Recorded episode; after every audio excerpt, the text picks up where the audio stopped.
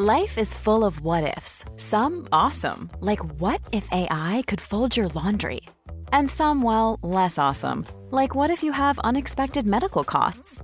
United Healthcare can help get you covered with Health Protector Guard fixed indemnity insurance plans. They supplement your primary plan to help you manage out of pocket costs. No deductibles, no enrollment periods, and especially no more what ifs. Visit uh1.com to find the Health Protector Guard plan for you. Many of us have those stubborn pounds that seem impossible to lose, no matter how good we eat or how hard we work out. My solution is PlushCare.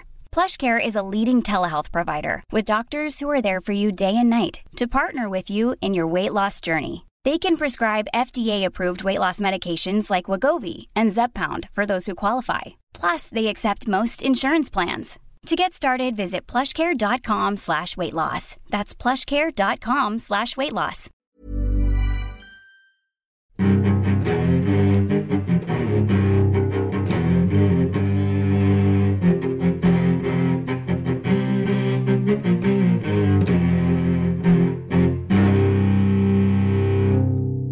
CSR-podden med Åsa Stenborg och Torbjörn Olofsson. Hej och välkomna till CSR-podden. Eh, och vad vi gör, det vet ni. Men nu tänkte vi faktiskt ge oss in i hållbarhetsrapporternas värld. Ja, det är en stor arbetsuppgift för många av er som jobbar med hållbarhetsfrågan. Och det är ju egentligen någonting som borde beröra många fler kanske. Ja, och väldigt många undrar om de verkligen måste hålla på med det här på det här sättet. Och vilken nytta ger det egentligen? Ja, vi har bjudit hit Torbjörn Westman från KPMG. Ja, och han har ju faktiskt sakkunskap så att nu är det inte bara, nu fladdrar vi inte bara utan han är då revisor på KPMG och specialiserad på icke-finansiell redovisning. Hur mm. verifierar man och varför? Och dessutom så är han ordförande i FAR som är alltså revisorernas branschorganisation. Ja, han är ordförande i deras specialgrupp just för hållbarhetsredovisningar. Precis, så han borde kunna berätta för oss vad, hur resonemangen går. För en gångs skull har vi sakkunskap i rummet. Ja. Nej, det brukar vi ha. Men det var spännande. Jag lärde dig något Torbjörn? Absolut. Jag lärde mig att GRI håller på att gå överstyr. God lyssning. Eh, hej och välkommen hit Torbjörn. Stort tack. Torbjörn, trots att jag har ägnat mig åt att intensivt googla dig och ditt namn. Jag vet väldigt många om andra som vad de gör som har ditt namn. Men jag vet väldigt lite om dig privat och personligt. Mm. Vad är det för hobby eller sån här talang som du inte verkar vara så känd för? Ja, vad är det för någon hobby, talang som jag inte verkar så känd för? De senaste åren, eller man ska väl säga de senaste 20 åren nästan, så har jag ägnat mig åt familj egentligen. Eh, men min stora hobby då har varit att renovera hus. Och det kanske inte är så intressant rent Google-mässigt. Det blir man inte så känd för. Eh, men annars så eh, gillar jag att vara ute i natur. Jag jagar. Eh, jag eh, har tidigare spelat golf. Mm. Eh, vad jagar du för någonting? Ja, vad jagar jag för någonting? Egentligen ingenting, men jag är med i jaktlag när det gäller älg. Är det ofrivilligt att du inte jagar någonting? Ja, lite grann så. Ja, okay. Men det är ganska skönt att sitta ute och komma ifrån allting. Mm. Sist här så har jag varit uppe och skidat i Dalarna för att se om man kan få en fågel. Mm. Tjäder. Men som vanligt, jag skjuter inget. Mm. Så att det är mer naturupplevelsen. Men det är ja, härligt det med. Det, det är liksom en, mm. den allmänna ursäkten för naturupplevelser, det är jag jagar. Ja, jag, ska också, jag ska också bara säga det, ja, jag jagar. Ja. Är du en diskret person? Det beror på i vilka sammanhang. I vilka sammanhang är du då diskret? Eh, ja, när jag är privat höll jag på att säga. Då är du diskret. Eh, när du nej, inte när, diskret? När man är osäker så är man nog ganska diskret. Eh, jag behöver inte låta så mycket. Jag är inte så intresserad av att, att synas på det sättet faktiskt. Mm. Du har en examen från University of West of England i accounting and finance. Eh, vad var det, hur kopplar man det till revisor? Vad hände sen? Och varför i England? Ja du, varför i England? Det har jag ställt mig frågan många gånger. Jag ville göra någonting nytt och någonting annorlunda och komma ifrån. Eh, lite grann så har jag varit när jag gick på högstadiet så gick jag till en högstadieskola där ingen annan utav mina klasskamrater gick och, och, lite grann samma sak var det. Varför inte försöka gå utanför när man kan? Ja, eh, och det var ju precis i gränsen när vi, vi röstades in till EU eh, eller inte. Eh, och jag var rätt dålig på engelska så jag tyckte det var väl bra att åka dit när möjligheten fanns. Accounting and Finance är inte så långt ifrån revision egentligen. Nej, nej. Eh, nu är det faktiskt så att mitt sämsta ämne, då läste vi faktiskt revision. Mitt sämsta ämne på universitetet där i England var just revision. Eh, Så, och då tänkte du, jag är inte så bra på revision, så då ska jag göra det lite som engelskan. Ja, kanske lite grann så eh, har det varit. Eh, men det har jag aldrig ångrat. Och, och när kom du in på revisorspåret? Ja, det gjorde jag ju direkt så att säga. Eh, jag eh, hade en, eh, eller har, en eh, kamrat som då jobbade på Deloitte när jag började. Eh, och eh, han var även kollega med min far eh, inom politiken. Och eh, vi spelade golf, för det gjorde jag då på den tiden. Eh, och eh, jag gjorde väl det där ganska bra, så jag fick intervju på Deloitte under tiden som jag bodde i England. Då då. Eh, och på den vägen var det. Då var ju, då, på den tiden var det de stora sex, men det var ju stort att komma in. Eh, Så tidigt eller så snabbt? Nej, men inte så snabbt, men att komma in på en av de stora sex. Mm. Det var ett fantastiskt jobb. Eller är, skulle jag vilja säga fortfarande, men nu är det inte de stora sex. Och, nu, och då blev du revisor? Du började Jag revisorskrået började på en gång? revisorskrået som finansiell revisor då. Just det. Men, jag. men du är inte auktoriserad? Nej, det finns en ganska enkel bakgrund till det. Direkt. Och det är att jag är utbildad i utlandet. På den tiden så var jag tvungen, jag vet inte exakt hur det är nu, jag tror inte att det är så, men då var jag tvingad att läsa in beskattningsrätt och eh, annan typ. Och det vägrade jag. Jag tyckte, jag kan banne mig bli auktoriserad i hela världen. Förutom i Sverige. Och jag tänker banne mig inte gå och sätta mig på skolbänken och läsa. Så därför så, så eh, vart det inte så. Och det går att vara revisor på den nivån utan att vara auktoriserad revisor? Nu är inte jag finansiell revisor. Eh, I de bitarna. Och då är det viss, eh, eh, det är en fördel att ha den bakgrunden med att ha arbetat med finansiell revision. Vilket jag gjorde under många år. Men sen har jag gått över till, så att säga, om man tänker sig historiken, så gick jag över 2002 så small det i väst, kallat Enron-skandalen. Och då började många företag, eller många företag var ju tvingade att arbeta med internstyrning och kontroll. Och oegentligheter, bedrägerier och så vidare. Och då bytte jag skrå lite grann ifrån den finansiella revisionen till att arbeta med intern styrning och kontroll av finansiell rapportering, men även oegentligheter då. Och på den vägen så är det ganska nära in till, om vi pratar om oegentligheter, för här sitter vi med hållbarhet nu. En sak är när du har haft fingrarna i syltburken.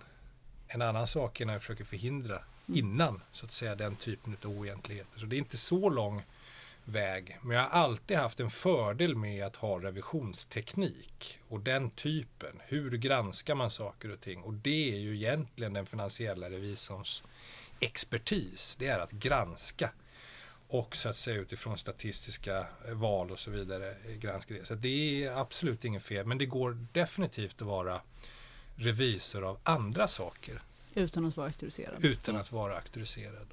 Och är det något som är önskvärt tycker du att även de, jag menar, om, ju mer vi standardiserar hållbarhetsredovisningar och ju Ja. mer vi, det blir som, jag tror det finns en dröm lite grann att, de, att hållbarhetsredovisningar ska bli som finansredovisningar. En, en tanke om att det ska bli så standardiserat. Skulle det då vara intressant att även införliva er som jobbar med non-financial eh, i revis, den auktoriserade revisorsstammen så att säga?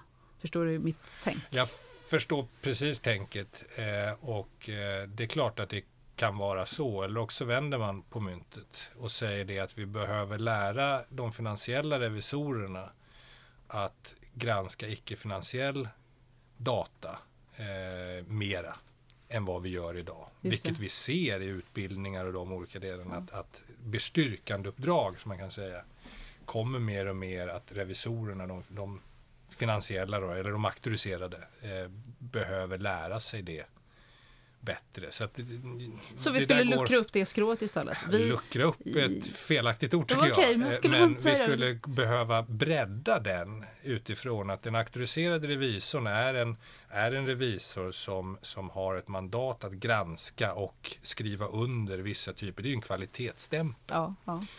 Eh, sedan kan jag eventuellt tycka det att ja, den kvalitetsstämpeln, den lyder ju jag under också. Såklart, absolut. I och med att jag är medlem i FAR, jag är medlem i andra typer av organisationer Och jag även arbetar på en revisionsbyrå som har de, alla de kraven. Så att det har ju jag också. Men, men så att säga gesällbrevet som den auktoriserade revisorn då får för att man har tagit den här typen utav, utav examen. Den har ju inte jag. Mm. Men frågan är att, ja du kanske, vi har ju diskuterat det under årens lopp, borde man ha en auktorisation för den icke-finansiella revisorn? Mm. Men det är så brett. Mm.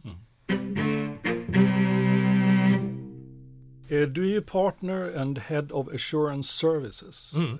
på KPMG och KPMG i sin tur ingår i några större globala bolag. Ja, KPMG International. Ja, precis. Och sen ni har 1500 anställda i Sverige ungefär och 207 000 anställda i 153 länder har vi läst på. Ja. Det är säkert eh, dags... Det är som spotkurser det där. Exakt. Ja. Av din titelpartner så gissar vi att du är en av hundratalet ägare på eh, KPMG. Eh, I Sverige, korrekt. I Sverige, ja. Och hur går det till när ett hundratal ägare ska hjälpas åt att styra en, en koloss av den här storleken? Det är väl inte riktigt, vi är ju aktieägare. Jaha, så ni är inte styrelse alls? Eh, och, och, sedan har du ju en styrelse och du har en VD och du har en stab och, och, och så vidare. Eh, sen är det naturligtvis så att som arbetande aktieägare eh, och med den typen av struktur som vi har så, så har ju många olika typer av ledande befattningar och så vidare. Men det är inte och ultimat riktningen i bolaget det bestäms ju på en årsstämma och där sitter ju ägarna och röstar så att säga. Men det är inte så att vi alla sitter i något forum hela tiden och, och, och diskuterar igenom utan det har ju ledande organ som gör. Mm. Du, eh, ni är ju en av de the big four som ni säger nu. Du, det var the big six när du började en gång i tiden. Va, vad är den stora fördelen med att vara anställd av eh, de här the big four? Nu har jag bara varit det, så jag har svårt, jag, jag kan inte säga hur det är att vara någon annanstans. Det kan vara mycket bättre någon annanstans. Det är mycket ja. möjligt, men jag brukar säga grannens gräs är nog inte grönare. men brukar du inte gå runt och jämföra ändå? Kan du inte känna så här, jo men jag stannar där för att? Ja, ja absolut. Eh, en av de stora fördelarna är ju, och den är, tycker jag, helt fantastisk, det är att jag har ju som du sa 207 000 personer. Expertisen finns någonstans. Eh, vi kan serva precis vad som helst egentligen. Eh, och det är ju en enorm fördel. Eh, det är ett varumärke också som öppnar dörrar. Mm. Eh, det är ju fantastiska möjligheter. Mm. Vad är det som får dig att titta på gräsmattan som grannen har och tänka nu tycker jag att jag ska hoppa upp på gräsmattan där borta istället. Vad, vad får du fly, vilja fly från KPMG? Finns det några sådana dagar och vad skulle det vara? Det är klart att det finns dagar och speciellt de dagarna då man jobbar mycket och det är tuffa frågor och så vidare så skulle man kanske eh, vilja kunna gå hem eh, och tro att det ser bättre ut någon annanstans. Sen vet man ju det att när du väl har kommit in i den ekorrhjulet någon annanstans så är det nog likadant. Jag har ju de facto bytt en gång. Mm. Eh, men då är från en av de andra mm. stora. Eh, Blev det sämre eller bättre? Nej, vid det nej, jag tror egentligen inte att det vart så mycket bättre så. Eh, utan jag trivdes oerhört bra där jag var innan. Jag har mm. inga andra sådana bitar. Deloitte är ett fantastiskt ställe. Eh, eh, men utav olika anledningar så, så, så, byter man. It's all about the people. Mm. Mycket. Och, och, och, där är det jätteviktigt att känna efter. Trivs jag med det gänget jag jobbar med? Eh, har jag det bra? Eh, och så vidare. Och är det så, då är det bara att fortsätta. Men hög arbetsbelastning? Det, det har vi vid det... tillfällen, absolut. Ja. Det är inte ett, jag kommer ihåg en gammal VD som jag hade. Eh, han sa det att eh, eh våran balans i arbetslivet innebär inte att det är 9 till 5 jobb, utan det innebär att jag kan gå mitt på dagen. Som till exempel nu när jag är här, mm. mitt på mm. dagen. Eh, men det innebär också att ibland att jag är tvungen att jobba lite senare. Så att det är, vi, vi disponerar våran tid. Eh, men det är klart att ibland är det mycket eh, hög arbetsbelastning. Har du säsong? Har du en säsong? Vi har säsong, ja. Och vad har du för säsongstoppar? Det är den nu. är nu. Nu, exakt. Vi, vi, för nu är vi i januari. Ja. Och, och den håller på hur länge då ungefär? Jag skulle vilja säga att när de statliga bolagen har lämnat sina hållbarhetsrapporter, vilket är sista mars då, så att det är ungefär, man kan säga att det är vi brukar få en julutgåva så det är december till mars är den stora eh, arbetsbelastningen för oss som jobbar med hållbarhetsredovisningar i dagsläget. Mm. Mm. Utöver din roll på KPMG så är du också ordförande i um, revisorernas branschorganisation FARS, specialistgrupp för hållbar utveckling. Ja. Eh, och i specialistgruppen så ska ni utveckla och förvalta standard som finns för revision av hållbarhetsredovisning eller non-financial reporting som det Mm. heter i era kretsar. Ja, eller andra kretsar också. Eh, och min gissning är att du är väl en av dem i Sverige som läser kanske flest hållbarhetsredovisningar. Definitivt fler än vad vi läser i fall. Hur, hur många blir det ungefär som du läser? Oj. Eh, jag vågar inte säga en siffra, men nog läser man väl ett 50-tal om året minst i alla fall. Ett 50-tal. Inte skumma utan då går du... Ja, men då är man nog inne i Ja. dem. Eh, sen är jag inte ansvarig för 50 stycken, men man vill ju ha lite koll på vad andra gör och man behöver jämföra och sådana delar. Så att nog är det det, definitivt. Det är ändå inte jättemycket. Jag hade liksom väntat mig nästan tresiffrigt där någonstans. Ja, nej. Det finns ju många att läsa. Men tänker då är det, om vi pratar om, eh, då är det ju läsa igenom. Sen har jag väl hyfsad koll på, på eh, alla de som granskas egentligen har jag ganska bra koll. Det är ett hundratal då. Mm. Men eh, läser, jag, jag uppfattade frågan som Mm, att ja, liksom, vilka är det du liksom går igenom ja, och men läser? det var riktigt. Vi har en revisor på besök Torbjörn. Ja, ja. Vi måste vara korrekta med vad vi frågar på rätt sätt. Men då i rapportsläsandet så Ja. tänker jag, vilka andra yrkesgrupper läser, eller jag- jag gissar då att en av de yrkesgrupperna som också läser många årsrapporter så är det ESG-analytikerna, det vill säga de som sitter med finansanalytiker med hållbarhetsaspekter. Så och. ESG står ju för Environmental, Social och Governance. Ja. Så det här, här går liksom hållbarhetsbegreppen in i en egen liten terminologi i finansvärlden. Vilka andra yrkesgrupper eller vilka andra målgrupper borde det finnas för eh, hållbarhetsrapporter? Finns det fler du skulle kunna peka ut och säga att de här är sådana som ofta Jag läser? hoppas och tror att en hyfsat viktig eh, grupp eh, är eh, potentiella medarbetare. Mm, ja, just det. Så om jag ska bli anställd så tänker jag här jag ska läsa hållbarhetsrapporten. Ja. Precis. Eh, och det, om de inte gör det så tycker jag att de borde göra det. Mm. Eh, sedan har du eh, medarbetare. Mm. Eh, där vi, tror jag, bolagen också kan bli mycket bättre på att få ut den här typen av information. Då. Eh, eh, sen är det ju förhoppningsvis, fast det vet vi att när det gäller årsredovisningar tyvärr så är det ju inte så många som läser dem. Nej, nej. Eh, Men aktieägarna tycker man ju borde läsa igenom och tycker det är spännande att se inte bara de finansiella siffrorna utan, eh, utan beskrivning av bolaget i stort också. Eh, Så, så det beror helt på hur man identifierar intressentgruppen men den är ju klart vidare är den än, än den traditionella aktieägaren som kanske läser årsredovisningen. Då. Vad, vad skulle du säga är en bra hållbarhetsredovisning? Vad utmärker en bra hållbarhetsredovisning? För mig är det en, en hållbarhetsredovisning där man kan se vad är de väsentliga frågorna. Hur har vi identifierat vilka är användaren? Vad är de väsentliga frågorna? Det finns en röd tråd hela vägen samt en som visar vad det är egentligen nyttan med vårt hållbarhetsarbete. Vi får ändå inte komma ifrån att bolaget drivs ju av olika visioner eller mål och hur kopplar det ihop? Så att du har en röd tråd in i allt. Jag Så, skulle... så att det är kopplat till övriga affärsmål? Korrekt. Mm. Och, och om man vänder på frågan och säger vad utmärker en riktigt dålig hållbarhetsredovisning då? En dålig hållbarhetsredovisning kan jag tycka är en där du får ingen röd tråd. Du vet inte varför man tar upp olika frågeställningar för att alla andra gör eller någonting. Du kan liksom inte koppla den till affären eller koppla den till vad som är eh, vettigt eller viktigt i den branschen eller organisationen eller något liknande. Det- Det är spridda skurar, den är inte transparent. Det är ju en annan bit. Allting är fine and dandy. Eh, vilket man kan fundera på, är det det? Så tecken på transparens är att jag också berättar vad som är dåligt. Är det, var det så du tänkte nu? Ja, eller dåligt, eller jag, jag skulle vilja Mindre se att bra, man har eller? Utmaningar, ja, utmaningar, man har för, Ja. förståelse för hur det egentligen ser ut där ute. Det är väldigt svåra frågor. Alla medarbetare kommer inte vara nöjda. Mm. Och Men så vidare. Det här när du säger att, att det saknas en röd tråd, eh, Ja. då kunde man ju misstänka att det beror på att man har bara plagierat något annat företag som man tyckte, eller man har bara helt random plockat in olika frågor. För att sticka ut hakan, och det är väl roligare i ett sånt här program, så Absolut. tror jag att är så är det ganska ofta. Ja. Faktiskt. Eh, Det, är, det här är någonting ganska nytt. Och det är någonting som, som en del kämpar med. Eh, och eh, då är det nog ganska lätt att se att alla andra skriver om det här, då gör vi det också. Eh, lite grann så.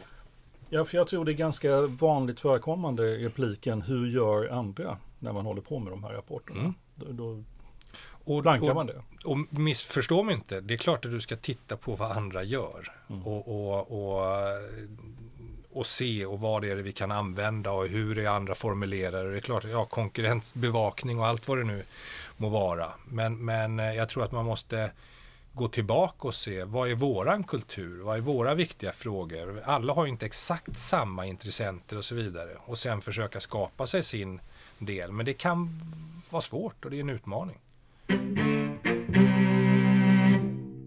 Om man tittar på processen i att göra en hållbarhetsrapport, vad är de vanligaste fallgroparna? För du träffar ju ofta teamen liksom i startfasen någonstans. Eh, finns det något, något gott råd där utöver dessa innehållsråd? Ja, det, jag, jag tror att man behöver se vad är väsentligt. Ja, det är tillbaka, du måste jag ha gjort analysen. In. Jag Ja, tycker att man be Ja. behöver göra analysen. Eh, risker och möjligheter. Ja. Men nu måste, jag, nu måste jag tyvärr ge mig in i den här Ja, det i gröten. Därför att problematiken är ju väldigt mycket att det plötsligt blir en diskussion i samband med hållbarhetsrapporten att börja diskutera sina väsentliga frågor. Det skulle man ha gjort liksom i terminens början och tre år tillbaka. Det blir, det är ju där det, det blir ett dilemma när man ska redovisa något som är rörigt där man inte har gjort hemarbetet av vad är det vi vill och ska göra inom ramen för hållbarhet på vårt jobb.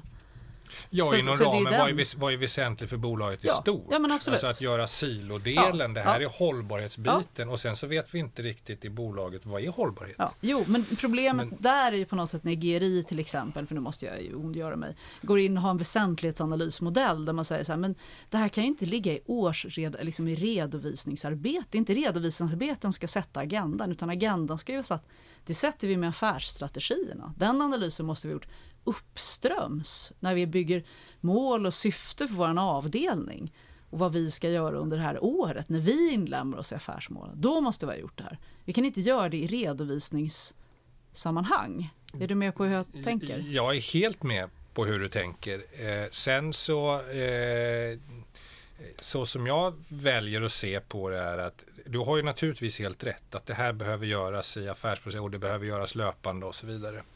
Sen kommer vi ju till den delen att okej, om vi nu inte har gjort det och vi väljer att nu gör vi en redovisning och vi beskriver de här bitarna så är det väl bättre att bolagen är transparenta och börjar försöka rapportera på icke-finansiell data än inte. Men det blir krångligare då och det, är väl, det finns en stor risk att det blir pusselbitar som inte går ihop och vi får inte den röda tråden och vi kanske inte förstår den story som berättas. Eh, eh, om det inte hänger med hela bolaget och, och, eh, och de bitarna. Men, men jag, vill, jag vill hellre se det som att det här är en resa där jag har förmånen att vara en del i den som granskare och då naturligtvis kan, kan vara med och utveckla.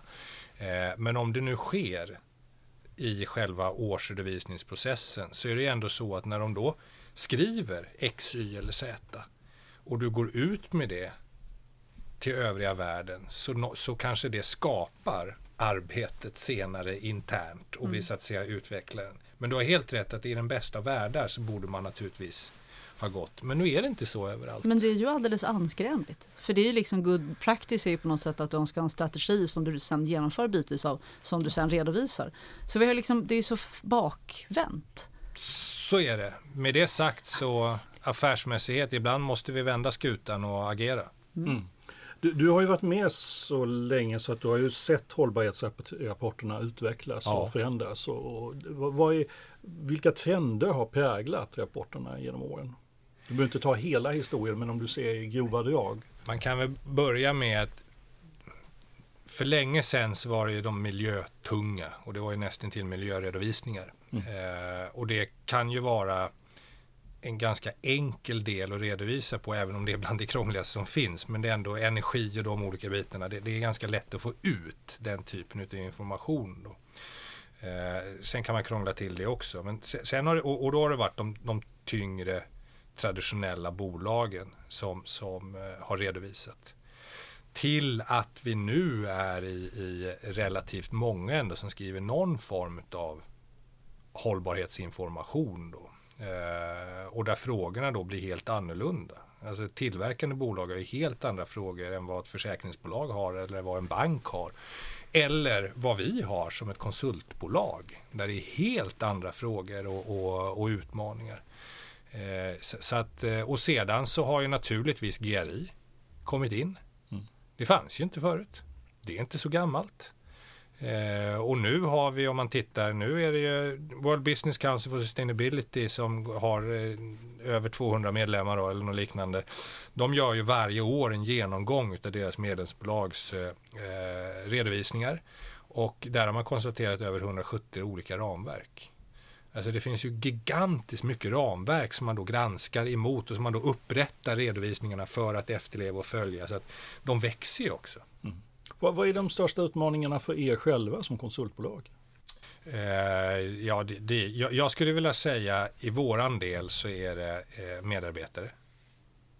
Behålla, attrahera, rekrytera eh, medarbetare. Inte bränna ut. Inte bränna ut. Eh, det, det, är ju den, den medarbetarfrågan och den sociala frågan är ju det som är, är de riktigt stora. Sen har vi i min bransch så är det ju naturligtvis oberoende och, och, och, och de bitarna. Det är våran license to operate, att, Mm. att vi sköter den typen. Men kanske inte så mycket som att eh, energiförbrukningen är den stora delen för ett konsultbolag. Utan det är ju medarbetarfrågor. Och då är det klassiska att egentligen personalchefen nästan som blir hållbarhetschef. Stor del, stort ansvar av leveransen av hållbarhet ligger hos personalchefen i ett konsultbolag. Det skulle man kunna tänka sig. Med reservation. Eh, den 31 december 2016 så trädde EUs direktiv kring rapportering av icke-finansiell och mångfaldsinformation i kraft. Eh, och reglerna pekar på att stora bolag har en skyldighet att göra hållbarhetsredovisningar. Och 2017 var det i sin tur det året som de skulle börja redovisa. Det var förra årets omgång. Vad tycker du om den här lagen? Mm, vad tycker jag om lagen? eh, jag tycker att eh, eh, det var någonting vi eventuellt kunde förvänta oss eh, utifrån att EU såg att eh, det här, egentligen är det ju ingenting nytt om man ska börja där. Det fanns ett moderniseringsdirektiv där väsentliga områden skulle redovisas i, i eh, eh, årsredovisningen. Eh, det här har väl man kanske inte gjort, om man får uttrycka sig så, eh, i, i den traditionella årsredovisningen. Vi får då riktlinjer utifrån vad är det man då tycker är minimum, vad som ska innehållas i då det vi kallar för den lagstadgade hållbarhetsrapporten. Då. Sen finns det en frivillig hållbarhetsredovisning som vi brukar säga. Eh, jag tycker nog att eh, eh, den har fungerat. Eh, det är många bolag som, som nu har, om man får uttrycka sig så, tvingats in att rapportera på det här. Sen finns det alltid undantag där man undrar, det här vart ju helt galet, varför ska ni redovisa på det och så vidare. Eh, sen ska man inte sticka under stolen med att ehm, det som lagstiftaren och även EU då sa att det här skulle inte bli en administrativ börda för bolagen. Det är inget snack om saken, att det har det blivit.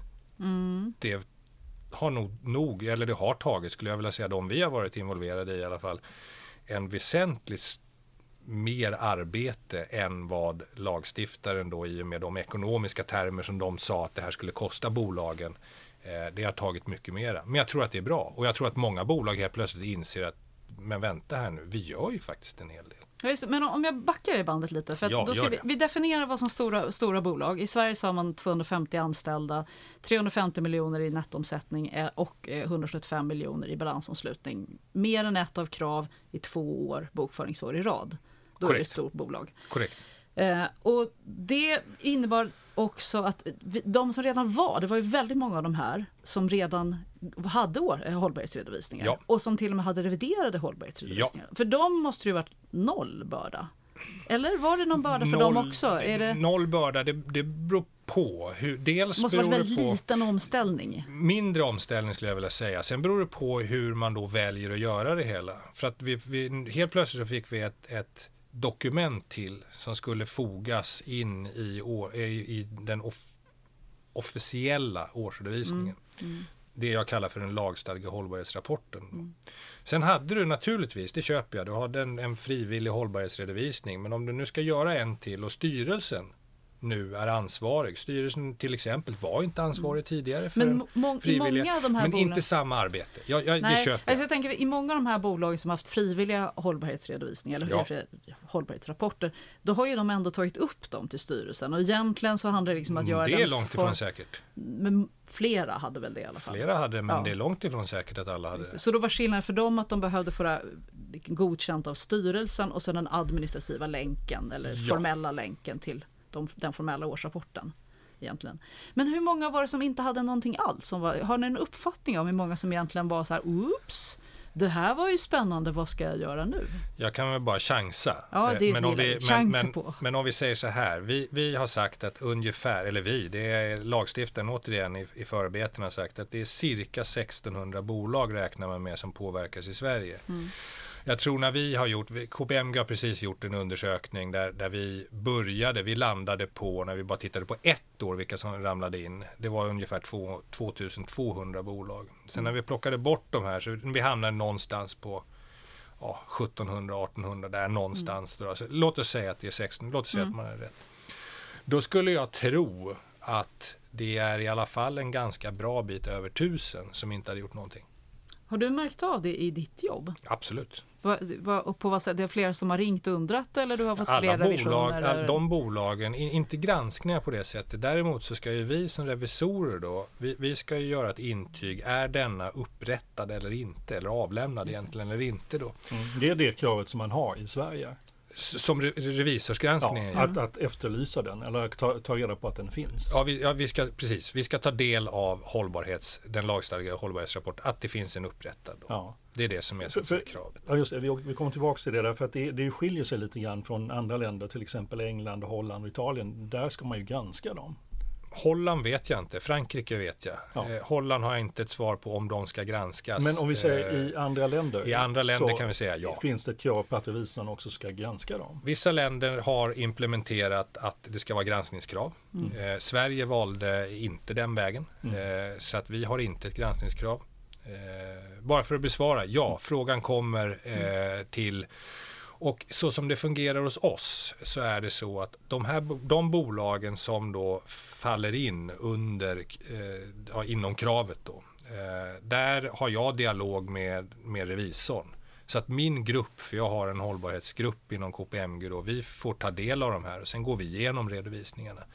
För någonstans är det ändå så att vi, vi ska eh, konstatera att den finns upprättad då. Men vi måste ju ändå se att, ja, är den upprättad i, inom ramen för årsredovisningslagen då, det vill säga har den de komponenterna som finns. Så det är egentligen det vi går ett igenom. område då. om miljö, sociala frågor, Korrekt. mänskliga rättigheter och mångfald, vilket Korrekt. väl är väl de som lagen säger att de ska Och sen ha. ska vi ju se att det finns risk, Ja. risker, vilket är en ett riskperspektiv. skillnad mellan väsentligheter och så vidare. Ja. Så det, gör, det, det går vi in. Ja, så det har ju naturligtvis påverkat, för det är ju ett ytterligare officiellt dokument. Planning for your next trip? Elevate your travel style with Quince. Quince has all the jet setting essentials you'll want for your next getaway, like European linen, premium luggage options, buttery soft Italian leather bags, and so much more. And is all priced at 50 to 80% less than similar brands. Plus, Quince only works with factories that use safe and ethical manufacturing practices. Pack your bags with high-quality essentials you'll be wearing for vacations to come with Quince. Go to quince.com/pack for free shipping and 365-day returns. Hiring for your small business? If you're not looking for professionals on LinkedIn, you're looking in the wrong place. That's like looking for your car keys in a fish tank. LinkedIn helps you hire professionals you can't find anywhere else, even those who aren't actively searching for a new job but might be open to the perfect role. In a given month, over 70% of LinkedIn users don't even visit other leading job sites. So start looking in the right place. With LinkedIn, you can hire professionals like a professional. Post your free job on linkedin.com/people slash people today. One size fits all seems like a good idea for clothes until you try them on. Same goes for healthcare. That's why United Healthcare offers flexible, budget friendly coverage for medical, vision, dental, and more. Learn more at uh1.com.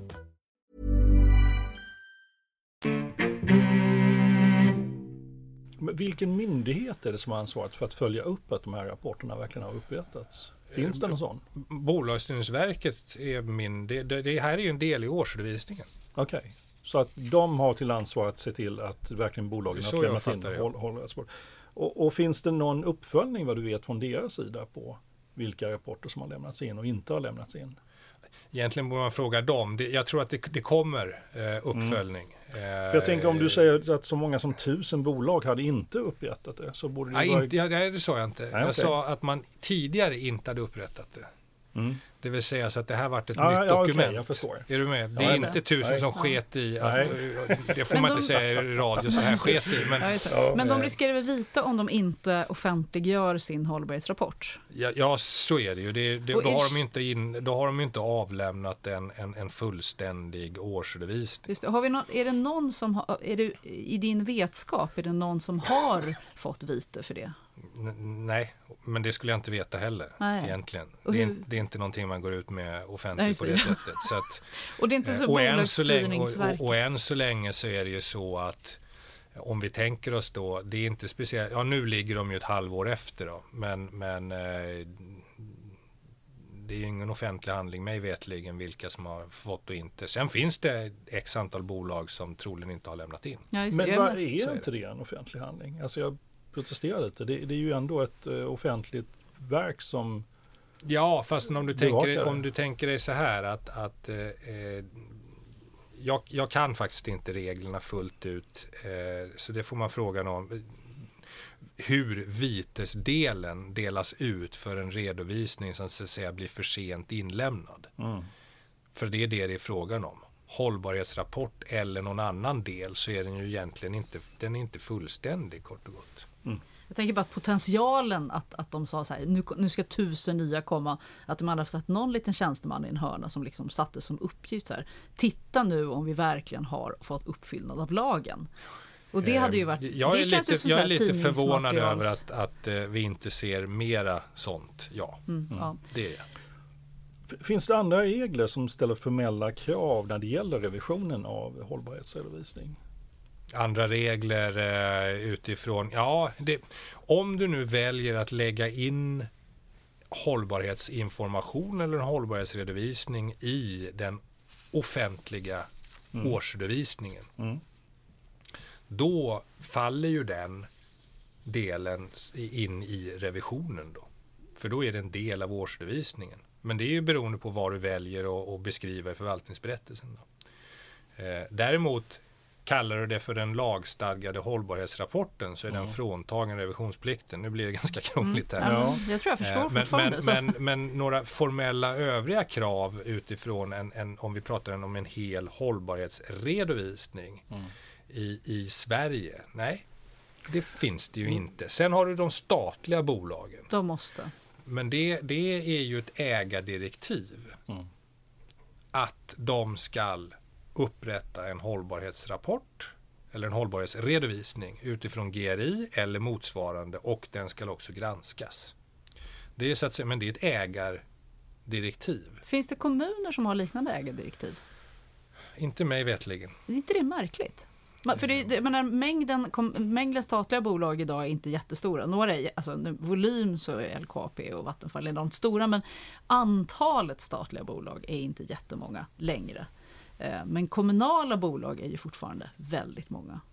Så det är intressant att, inte, att man liksom inte har gjort samma logik där. Med risk för att jag blir jagad här nu då, så kan jag tycka att ja, jag tycker att det är konstigt att myndigheter, att, eh, att eh, de olika regionerna, deras bolag, alltså landstingens bolag eh, och att kommunala bolag inte har mera granskning. Om man tänker sig alltså den offentliga sektorn, att inte deras icke-finansiella del granskas mera eh, sammanhängande. Sen är det ju så att de här bolagen, eller de bolagen, de här myndigheter och så vidare, de har ju internrevisioner och deras rapporter blir ju offentliga. Men det är ju ganska svårt, liksom, det, helheten och det kanske inte är så alla redovisar heller. Men jag kan nog tycka att, om, att det borde finnas ett sådant krav möjligen. Eh, och att det där borde granskas. Ja, jag, jag, jag är benägen att hålla med. Om vi, jag bara loopar tillbaka till den här, att, eh, för när jag läste på om den här EU-direktivet då, som blir svensk lag, då är det ju tydligt att de olika länderna har valt lite olika sätt att implementera direktivet. Och mm. i Sverige valde man då inte att ställa revisionskrav. Mm. Och du sa, så gjorde vi inte. Varför gjorde man inte det i Sverige? Var, varför är vi liksom lite avoga mot att revidera icke-finansiell information i Sverige? Eller? Traditionellt sett i Sverige så har vi en egen reglering Eh, det vill säga man lagstiftar inte utan man, man, det är ju en ramlag också så att det ska liksom bästa praxis ska komma fram och så vidare. Och sedan så tror jag att en viktig del var att det för, man, man ville bredda antalet bolag. Eh, nu chansar jag naturligtvis eftersom jag, det är inte jag som har upprättat lagen. Man ville bredda så att antalet bolag var större. Men den administrativa bördan och den administrativa kostnaden skulle inte öka. Och det är klart att vi hade tagit betalt för att granska. Och då hade ju så att säga den ekonomiska bördan ökat. Mm. Mm. Eh, så därför valde man att göra det ja, frivilligt. Och du var inne på att den administrativa bördan har ökat för de här bolagen. Samtidigt då om man är så hållbarhetsnörd som jag som tror att hållbarhet också kan vara lönsamt så kan man mm. säga att det var ju synd att de inte har gjort det tidigare bara. Mm, absolut, det, det, håller jag med om. Mm. Sen ska man komma ihåg att de bolagen eller de länderna nu vi pratar om eh, i, om vi tittar i Europa i stort så är det cirka 7000 bolag är det sista jag såg nu. När man implementerade EU-direktivet så har man 6000 men det sista jag såg det är 7000 bolag. Varav Sverige då har 1700. Va? Sverige är inte så stort. Så att de länderna här som vi pratar om, där är det ju börsbolagen med mer än 500 anställda, alltså de så kallade public interest entities. Så det är inte alls lika många. Hade man tagit ut granskningskravet i Sverige så hade det blivit en mycket större apparat. Mm. Och för, för, den som inte har varit med om en, en eh, revision eller revidering av en eh, årsredovisning hur, eller hållbarhetsredovisning, hur går det till? Var, när kommer revisorn in i arbetet? Vad har man en revisor till egentligen? Vad har man en revisor till? Eh, det, det, är två olika frågor möjligen. Vad har man en revisor till och, och hur går det till? Eh, men eh, i den bästa av världar så, så är det ju så att vi granskar ett, ett dokument, en hållbarhetsredovisning och den växer ju fram under året. Vilket ju innebär att det bästa vore om man kommer in tidigt och diskuterar hur ser omfattningen ut. Och det är inte riktigt som en balans och en resultaträkning som alltid ser likadan ut och sen ändras siffrorna. Utan här är det ju ändå en kontext som man vill så att säga beskriva saker och ting har hänt inom olika områden. Och därför så kan ju det här förändras. Vi granskar ju såväl siffrorna som det skrivna ordet. Då. Och de, jag brukar säga att det är ungefär 50-50. Därför är det ju viktigt att komma in relativt tidigt. Då. Eh, så sker det inte alltid. Eh, men det är den första delen, att man planerar och går igenom och ser det vi kallar för vilka claims, alltså vilka uttalanden och vilk, såväl siffermässigt som textmässigt är det bolaget gör. Och sedan så beslutar vi oss utifrån risk och väsentlighet, vad är det vi då ska granska och var någonstans ska vi granska beroende på var någonstans bolaget befinner sig. Då, då. Mm. Det vill säga i olika delar av världen och så vidare. Och sedan och därefter så går man ju då igenom eh, ibland, inte alltid, men med, med olika typer av intressenter och stämmer av så att säga det som bolaget nu förmedlar. Är det eh, transparent och, och, och rimligt rätt? Då? Alltså det, ni gör en validering av de intressenter som man redan har Absolut. pratat med. För jag antar att ni inte pratar själva med de intressenterna. Jo, det gör vi ibland. Det gör ni också? Absolut. För att kolla att de verkligen har haft kontakt med dem? Ja, inte för att de har haft kontakt, utan egentligen för att bilda våran egna uppfattning. Vad är väsentligt? Vad är det som har hänt? Vad är det som driver, så att säga, den eh, gruppen som då är intressent av redovisningen som vi har för att bilda våran egen uppfattning mm. om, om väsentlighet och risk. Då. Och vilken intressant skulle det till exempel vara? Eh, ägaren. Ä ja, till det, exempel. och det är en väldigt konkret intressant. Eh, eller det kan ju vara en konkret intressant. Vi har även bolag där vi, där vi pratar med eh, väsentlig leverantör. Mm. Det kunna vara. Mm. Du kan ha medarbetare. Mm. Sen har vi alltid, och det kan man diskutera om det är intressant eller inte, men, men diskutera med styrelsen. Ja. Vad är det som driver och så vidare. Så, så för, för, att bilda sin uppfattning. Vad, vad, åt vilket håll har bolaget tagit vägen i den här typen av frågor? Mm. Eh, för den är så mycket bredare säger jag nu, men, men, men en, liksom den finansiella revisionen där du tittar på intern kontroll, styrning och så liksom sifferdelen. Vi fokuserar ju ganska mycket på, har det hänt någonting? Utvecklas det? Och så inte bara liksom titta på CO2 om man tänker sig så, utan det kan vara många andra stora frågor som, som man går igenom. Och även att bolaget tar ju steg hela tiden inom mm. området. Så då gäller också att följa upp att det steg som är taget är logiskt från tidigare steg? Eller? Ja, i ja. den bästa av världar. Sen är det ju att man byter mål och man byter inriktningar och, eh, och de delarna och, och helt nya delar mm. kommer in. Mm. I jättestora drag, vad skulle det kosta om man säger så här, nu vill jag bli reviderad KPMG? En ja. av de stora fyra bästa. Hur långt är ett snöre? Ja, det är ju, kan ju vara väldigt kort eller långt. Men, men kan man liksom, finns det, har ni någon sorts så här, det här är, får man vänta sig att det kostar? Det bör kosta mer än 100 000. Det kommer det göra, det vet vi. Det tycker jag att det gör. Det vet vi. Eh, vet vi att det kostar det... mer än 300 000? Nej, det behöver det inte göra. Ja. Eh, det beror helt på omfattning eh, och, och även naturligtvis vilka rutiner och, och strukturer har bolaget. Då. Mm. Eh, men det är rent omöjligt att säga för de olika bolagen som ligger är så olika. Du har ett bolag, ta KPMG, 207 000 anställda, 153 länder.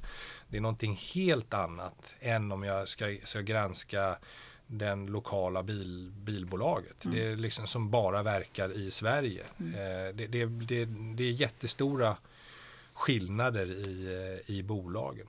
Så nu har, liksom, nu har vi förstått uh, skruvarna muttrade i att revidera och så har vi en prislapp som ligger i alla fall någonstans mellan 100 och 300 000 i häradet. Eller bara som ett snöre. Kanske mer än så till och med. Ja, okay, ja. till och med mer än så. Reservation. Ja, men vad, vilken nytta ger det att säga jag har en reviderad hållbarhetsredovisning? Jag kan väl säga så att i majoriteten av de bolag där vi är inne och speciellt i början så, så, så hittar vi ju ja, fel kort och gott. Alltså, det är en extra kvalitetssäkring. Det är ju den, den, den, den stora delen i det. Eh, sen, sen är frågan om de är, var är materiellt och inte materiellt då. Men, men jag tycker den, den, stora biten är att det är klart att man ska provtrycka icke-finansiell data som man går ut med till övriga världen som faktiskt har påverkan utifrån hur, hur bolaget agerar på samma sätt som den finansiella datan. Mm. Eh, Men var inte det själva fundamentet för lagstiftningen? Att man skulle ta in de icke-finansiella värdena som påverkade? Så kan det vara, men man, men man har inte valt att, att de då ska granskas av en, av en eh, annan part. Då, då. Mm. Men, men nyttan för mig det, det är ju att få en, en, en, en comfort utifrån att den datan som vi de facto får in och den som vi redovisar den, den, är, den är rimligt rätt ifrån ledning och andra. Och det där kan man ju ha internt också naturligtvis. Eh, med, med en intern redovisning. Men sen har du ju investerare och andra eh, andra stakeholders som så att säga, ja, internt, men vi vill gärna ha en extern oberoende verifiering utav detta för att vi ska kunna ta dem. Mm. Men är ett bolag som inte har en reviderad hållbarhetsrapport, är mm. de automatiskt sämre? Det behöver de absolut inte vara. Men de får inte riktigt samma trovärdighet nu frågar du, jag, jag, tycker ju inte att de borde ha det. Men du, när, när det gäller eh, trovärdigheten så kan du ju bara gå till dig själv. Om du läser två olika rapporter, en som är granskad och en som inte är granskad. Lägger du mera vikt i den som är granskad eller den som icke är? Tyvärr kanske inte. Mm. Men det är som med all data vi ser eller all nyheter eller vad som helst. Mm. Så, så eh, vilken vikt lägger du mm. vid de olika delarna då? Om man är ett litet eller mellanstort bolag och säger mm. så här, jag vill, kan inte göra, jag orkar inte göra revidering av hela mm. min rapport. Mm. Finns det liksom några smitvägar? Kan man delrevidera en rapport? Kan man lyfta sina fem viktigaste nyckeltal och säga titta bara på de här? Mm. Är det, är det en, bör, kan man göra det? Bör man göra det? Är det bra om man inte känner att jag orkar med hela bördan, hela stora? Traditionellt sett i Sverige så har vi granskat hela redovisningar. Och den standarden som vi byggde för x antal år sedan som då hette RevR 6 eh, byggde på att man skulle granska en hel redovisning. Och det var det vi gjorde för att skriva under. Eh, nu är vi nog, nog säga, på väg att vi granskar enskilda indikatorer, möjligen framåt. Då. Dels så växer ju hållbarhetsredovisningarna, sen hade vi den här kostnadsdelen och sen vad är det som är väsentligt? Vad är det vi visar övriga världen som vi vill så att säga visa att det här är även verifierad av en tredje part, den datan. Den här är inte det och allting kanske man inte behöver gå igenom för att det inte är väsentligt. Så mitt, mitt enkla svar är Självklart kan du granska enskilda indikatorer eller enskilda uttalanden eller någonting. Mitt nästa svar är att det tror jag kommer att komma framåt. Det kommer mer och mer mer. ja. Jag tror att definitivt att det kommer bli mer och mer så. Så då kanske man ringer och säger kom och titta på våra klimatmätningar men det övriga behöver du inte titta på. Men våra Korrekt. klimatmätningar är Ja. jätteviktiga för det säljer vi på, på inköpssammanhang till exempel. Ja, eh, KPMG och andra gör årligen genomgångar av hållbarhetsredovisningar och, och då betonar man att eh, det, det, är kvalit- eller det ses som ett kvalitetsmärke det är att om ett land gör många hållbarhetsredovisningar då är det bra. Jag vet, du kommenterade förra årets utfall där man då rankade olika länder i förhållande till varandra kring att Sverige hade backat men det var inte för att Sverige hade blivit sämre utan för att de andra hade blivit bättre till exempel. Vad är egentligen vad är det för samband mellan varför är det bra att göra en hållbarhetsredovisning? Vi zoomar ut ytterligare, liksom. men varför är det bra att göra det? Jag tror så här att när du gör det här dokumentet så behöver du eh, analysera och diskutera internt vad är det vi egentligen gör inom område X, Y eller Z. Vilket innebär att dels så får du upp saker och ting på bordet. Eh, du eh, kommer att behöva se vad är det för någon kvalitetssäkring vi har. Du arbetar kort och gott med frågorna. Eh, och om du inte samlar ihop och skriver det här dokumentet som du ska lämna till övriga världen så säger jag inte att du inte arbetar med frågorna men jag tror att det kan vara en katalysator till att öka det arbetet. Det, så att det blir ett mer fokus på hållbarhetsarbetet egentligen. Korrekt. Men om, om vi säger så här, ja, vi har x antal resurser här och så nu sitter jag och är EU och vi ska nu hitta på ett direktiv som gör att eh, bolag blir mycket mer hållbarhetsintresserade. Eh, är verkligen hållbarhetsrapporterna rätt väg att gå utifrån bang for the buck? Och då har jag liksom, när jag satt och skrev det här så satt jag och funderade på den här. Vi fick ju alldeles nyligen en direktiv till datasäkerhet och då gick man ju mycket, mycket längre i lagen och man ställde krav på att de skulle ha kunskap och de skulle ha team som jobbade med det. Det fanns en oberoende person från, som ska kunna svara mot myndigheten kring att vara nästan datorombudsman. Alltså det finns ju jättemycket bredare arsenal i portföljen av vad man skulle kunna göra för att åstadkomma det här som du beskriver, det vill säga medvetenhet om ett medvetet hållbarhetsarbete. Är, liksom, är, är det här det bästa verktyget vi kunde ha när vi tittar på lag och när vi tittar på att vi värderar ett land så bra i förhållande till? Förstår du hur jag... Jag förstår precis. Jag vet inte om jag har ett svar. Eh, jag, jag tror för oss i Sverige så, så en, eh, en viktig komponent är att nu vart styrelsen ansvarig för ett dokument som man skulle eh, som är officiellt. Då. Ja, just så det är rätt verktyg därför att styrelsen blir inkopplad. Ja, jag, rätt verktyg, det är ett relativt bra verktyg tror jag i alla fall. Eh, att, att involvera högsta ledningen och säger att du är de facto tvingad att redovisa på de här områdena. Och, och, och att det är rätt, det är du ansvarig för. Det är ingenting du kan skjuta någon annanstans längre ner. Du är ansvarig för, för, för de skrivelserna som ni gör. Det innebär att, att eh, den högsta ledningen då, om det inte skedde innan, men de är tvingade att försäkra sig om att ja, men vad har vi för några kontroller och vad? Och man får även upp det på bordet. För det är långt ifrån alltid så att det har diskuterats, tror jag. Jag har uppfattat lite som att hållbarhetsvärlden lägger sån enorm kraft på de här hållbarhetsrapporterna. Mm. Och, och då ska jag vara lite cynisk säga, de här tusen bolagen som satte igång och hållbarhetsredovisna, de de ringde var kommunikationsbyråerna. Mm. Eh, Och, och då blir det ju liksom på gränsen till idioti nästan, för då är det inte någon som ifrågasätter vad är det du har för ord för och varför. Så att, men då blir ju risken istället att det är som att försöka styra hunden med allt på svansen. Liksom. Man, man säger så här, det som är längst bak i året, det vill säga årsredovisningen, det är den vi ska titta på. Och jag vet att när man har hund så kan man bara, man kan bara ta dem i svansen när de försöker smita, man kan liksom inte styra dem i svansen.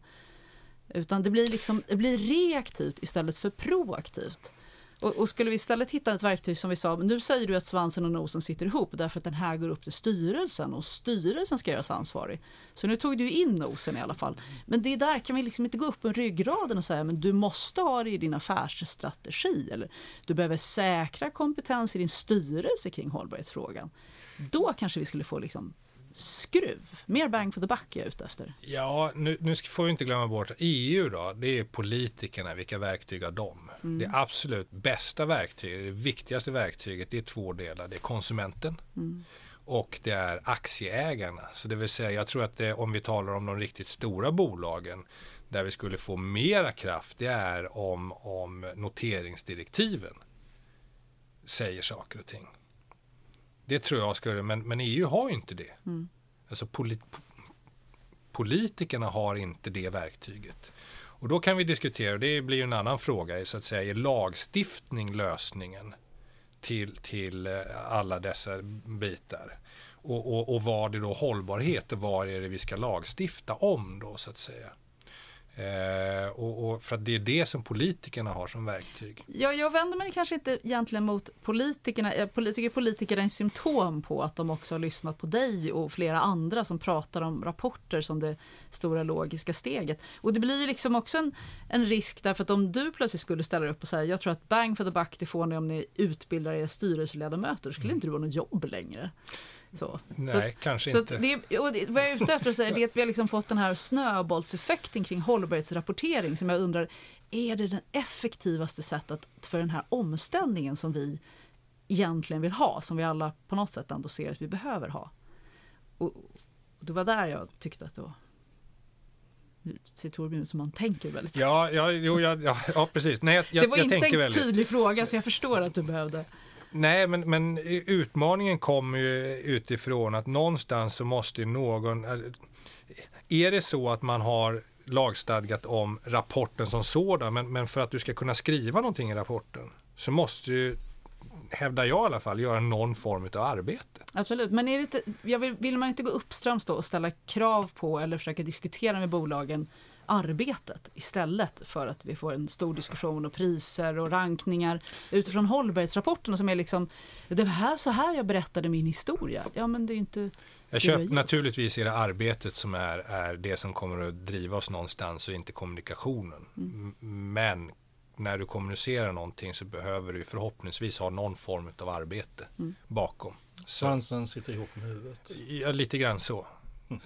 Du menar att vi kanske är svansrotar på ryggraden det, var du, det var du som körde metafor Ja, men jag tycker den är ganska fin metafor. Jag tycker den är... Om vi får bara återkoppla till, du var inne på det här att i finansiella rapporter så har vi historiskt, vi har väldigt tydliga standarder och krav ja. som har satts under lång tid. Ja. Eh, det känns ju inte som att vi är där riktigt med hållbarhetsredovisningarna. Eh, håller vi på att hitta ett standardiserat sätt att göra hållbarhetsredovisningar? Eller är det fortfarande ute på halis? Jag tror vi är fortfarande ute på halis. Det sker väldigt mycket aktiviteter för att hitta någon form av standard och så vidare. Mm. Men, men eh, jag, jag, tror att det är krångligt om vi pratar om hållbarhet i stort. Mm. Det är klart att du kan hitta en standard för hur vi ska rapportera CO2, alla bolag. Men kan vi hitta en standard för hur du ska rapportera antikorruptionsarbete? Kan du hitta en standard för hur vi ska rapportera leverantörsgranskningar? Du, du pratar om en, egentligen en fördjupning av de GRI-standarder som finns. För de definierar bara att vi ska ta upp området som sådant, eller hur? Ja, men utifrån om du tänker dig, du har ju IFRS-regler i den finansiella biten så att mm. säga som är mer eller mindre i alla fall. Sen, sen, finns det naturligtvis grader inom där men de är ju mer eller mindre unifierade om man tänker sig. Så här ser en resultaträkning ut, det här ska finnas. Mm. Men, men för att vi ska komma dit här när det gäller hållbarhetsdelen som är så oerhört brett och många olika frågor beroende på hur bolaget ser ut. Alltså kundfordringar är ju kundfordringar. Fastän korruptionsfrågor är väldigt olika beroende på vilket bolag du är. Mm. Och för att då hitta en standard för att, och för att vi ska kunna göra få jämförbarheten, för det är egentligen det det är frågan om ju, tror jag är en väldigt lång väg att gå. Och vilken standard är det vi då ska ha som som grund? Och, och, vem är det som ska besluta det här? Vi men, men det, här. Är, det här är ju väldigt många frågor som landar i ditt knä egentligen. Det är en så, delar i det handlar i mitt hur, knä. Hur tänker du själv att det ska kunna utvecklas åt rätt håll? Mitt enda sätt är att försöka vara involverad i de olika eh, organen där standarder sätts. Då. Mm. Eh, och, och, och, och och vad jag tror dit hem vi kommer att komma är att det är vissa indikatorer som blir så att säga gemensamma, som går att ha gemensamt. Eh, däremot hållbarhet som sådan, så, så, så, som vi ser det idag, det tror jag är en jätteutmaning att få ihop till en, ja, det blir en hållbarhetsredovisningsstandard. Jag tror att vi, min syn på det hela är att vi ser GRI växer ju bara. Mm. Det blir bara större och större och när vi försöker säga att bolagen måste rapportera utifrån eh, arbetsolyckor på det här sättet. Du ska skära det utifrån olika regioner och du ska skära det på det här viset. Men bolagen rapporterar ju inte internt på det sättet. Det blir jättekrångligt för dem. Mm. Och så ska du ha alla dessa frågor som man då måste rigga upp. Det, det, det är en jätteutmaning. Så du säger GRI idag går, är inte på väg att bli rätt, det är på väg att bli fel? Det är jag tror liksom att det är på väg att, att, du säger det. Ja, ja, det är mm. på väg att växa till... till Oanvändbarhet. Vi grupparbetar med orden. Ja, jag vågar de facto sticka ut och säga att jag, jag tror att det börjar bli för komplicerat för att bolagen ska kunna motivera alla dessa indikatorer. Men då har man gått in till, om du har olika standarder så vi kan bara rapportera på den här eller den här eller den här. Då. Men, men hur ska det förhålla dig till alla andra rapporteringssystem som du ska gå in i och, och, och vad är väsentligt för bolaget och, och, är det inte det som är det viktiga för att arbeta framåt? Och då är vi tillbaka. Ja. Vad är det som är det viktiga? Bolaget och de väsentliga delarna eller att vi rapporterar i enlighet med någonting som någon har satt upp. Det är, det är ju intressant att säga det för att Åsa, du och jag var ju faktiskt i London och gick utbildning i GRI och lärde oss hur det hela funkar och bli certifierade för det. Men innan vi ens hann hem så hade man redan lanserat ett helt nytt ramverk. Man hade, man hade bytt standard och utvidgat det ytterligare. Det är ju det du säger egentligen. Det hela tiden växer och det går överstyr. Ännu roligare är att Torbjörn reviderade en GRI-rapport som jag hade skrivit häromåret. Och det, var liksom, det är ju som att kryssa, att försöka använda GRIs ramverk. De lyckas alltså inte, inte göra den, det. Inte jag Torbjörn, Nej, inte det andra. Torbjörn, ja, ja, ja. Alltså det är ju inte enkelt. Det är det ju inte. Och svåranvändbart, så kan man ju säga. var min tolkning i alla fall, att försöka använda det. Ja. Ja, det, det tycker jag var roligt. Um, en roligt konstaterande. Nu ska vi eh, avsluta med att kasta oss in i framtiden. Mm. Eh, och eh, i min fiktiva framtid som, så måste jag berätta en väldigt tråkig nyhet. Jag har väldigt stor fantasi så det här sista frågan är alltid fantasifråga. Mm. Mm. jag har väldigt eh, tråkig nyhet att berätta och det är att KPMG kommer köpas upp av en av de andra stora fyra. Och köparen den vill göra om hela branschen nämligen. Och eh, därför villkorar de att alla partners de får enorma mängder pengar men de måste sluta. Uh-huh. Så du blir tyvärr uppsagd. Och de villkorar också att du får inte fortsätta med din nuvarande profession. Du får alltså inte fortsätta vara hållbarhetsrevisor. Okay. Utan du måste göra någonting annat. Så nu har du alternativet att antingen omskola dig eller bli en professionell hobbyperson. Va, vad skulle du göra om detta mycket fiktiva scenario skulle hända? Tänk om det händer, det hade varit jättespännande. ja, som jag sa i, i början så eh, jag gillar ju att snickra. Så du blir snickare? Så varför inte skola om och, och eh, snickra lite grann? Du, du blir den redovisande snickaren? Ja, det skulle jag kunna tänka mig. Ja, även eh, det är en, en del som jag de faktiskt skulle kunna tänka mig att göra. Eh, en annan bit är ju, jag tycker det är oerhört härligt att träffa folk. Så jag skulle faktiskt kunna ställa mig i en båtaffär eller i en, i en eller vad som helst. Och, och jag gillar prylar och maskiner och sånt och sälja sånt. Why not? Det finns en annan helt otippad del som jag skulle definitivt kunna tänka mig faktiskt och det är att bli eh, lastbilschaffis. Varför? den har du inte Nej, sett. Den, den såg, inte såg komma. inte komma. Eh, sen vet jag inte om jag tröttnar snabbt. Men det känns som en frihetskänsla att sitta och, och konka ner på vägarna i Europa eller, eller någonting liknande. Ja, det vill jag. Det ska du vill vara stort. stor bling bling En riktigt liksom. stor äh, lastbil och, och, och åka. Det, men jag vet inte om jag skulle få med mig min fru. Nej, fruar brukar vara mindre det. Men det, jag har personligen lite svårt att se frihetskänslan i att sitta fjättrad i en lastbil. Men, det skulle man ju inte sagt i en hållbarhetspodd känner jag heller. Men, ja, men vi har Ascania här så det har ju absolut, vi har ingen som helst, men, men, den kan gå på el. Ja. lite, jo, men, liksom. att, att, att åka neråt och, och, och, och vara på vägen och så mm. mycket du får se när, när du åker runt och, och nej, jag, det, det bara kom här nu. Mm. En sån där som jag tycker är... är det blev ett framtidstips av den frågan. Ja, Eh, jag tror tyvärr inte det kommer att hända, men eh, Jag, jag kan se. faktiskt dela den på något sätt, idén och ha den här livsstilen också. Så, och när du är hemma så är du helt hemma. Ja. Och när du jobbar är du helt borta. Okej, Ja. jättebra. Stort tack för att du kom hit och redde ut begreppen och eh, svarade på frågor. Tack så mycket. Tack.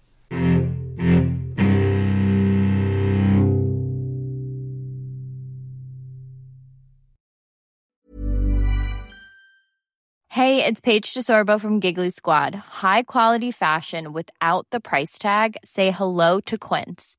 I'm snagging high-end essentials like cozy cashmere sweaters, sleek leather jackets, fine jewelry, and so much more. With Quince being 50 to 80% less than similar brands. And they partner with factories that prioritize safe, ethical, and responsible manufacturing. I love that. Luxury quality within reach. Go to quince.com slash style to get free shipping and 365 day returns on your next order.